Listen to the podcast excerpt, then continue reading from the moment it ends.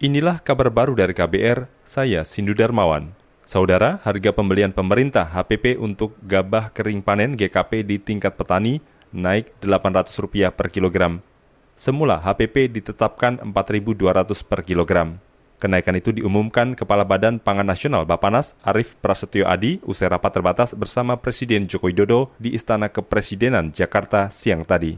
Gabah kering panen GKP di tingkat petani Rp5.000, gabah kering panen GKP di tingkat penggilingan Rp5.100, gabah kering giling GKG di penggilingan Rp6.200, gabah kering giling GKG di gudang perumbulok Rp6.300. Arif menambahkan, pemerintah juga menetapkan HPP beras di gudang perumbulok dengan kadar air maksimum 14 persen seharga Rp9.950. Kemudian untuk harga eceran tertinggi HET beras medium ditetapkan berdasarkan zonasi.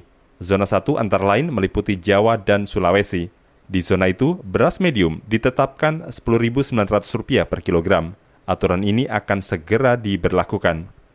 Kejaksaan Agung akan melakukan gelar perkara dugaan korupsi penyediaan infrastruktur stasiun pemancar atau BTS di Kominfo anggaran 2020 hingga 2022.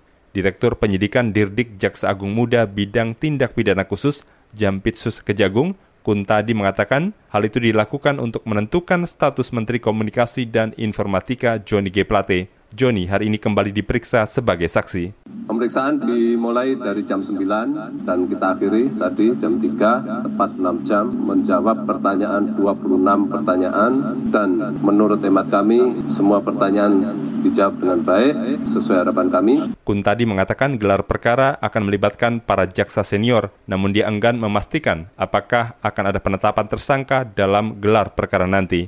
Sementara itu, Menkominfo Johnny G. Plate memastikan bakal menghormati proses hukum di Kejagung. Kita ke soal lain. Kementerian Pariwisata dan Ekonomi Kreatif Kemenparekraf membentuk satuan tugas atau Satgas untuk mengawasi pariwisata di Bali. Satgas beranggotakan lintas lembaga dari daerah hingga pusat. Mengutip antara, Menparekraf Sandiaga Uno mengatakan Satgas dibentuk guna memastikan pariwisata berjalan sesuai aturan. Langkah itu ditempuh setelah sejumlah wisatawan asing di Bali melakukan berbagai pelanggaran seperti tak mengenakan helm saat naik sepeda motor. Kita ke berita olahraga. Saudara, Piala Dunia 2026 akan memiliki format baru, yakni diikuti 48 tim dengan total 104 pertandingan. Format itu disetujui FIFA dalam rapat dewan di Kigali, Rwanda kemarin.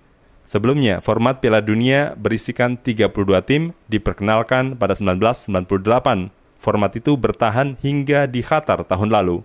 Piala Dunia 2026 dengan format baru akan digelar pertama kali di tiga negara, yakni Kanada, Meksiko, dan Amerika Serikat.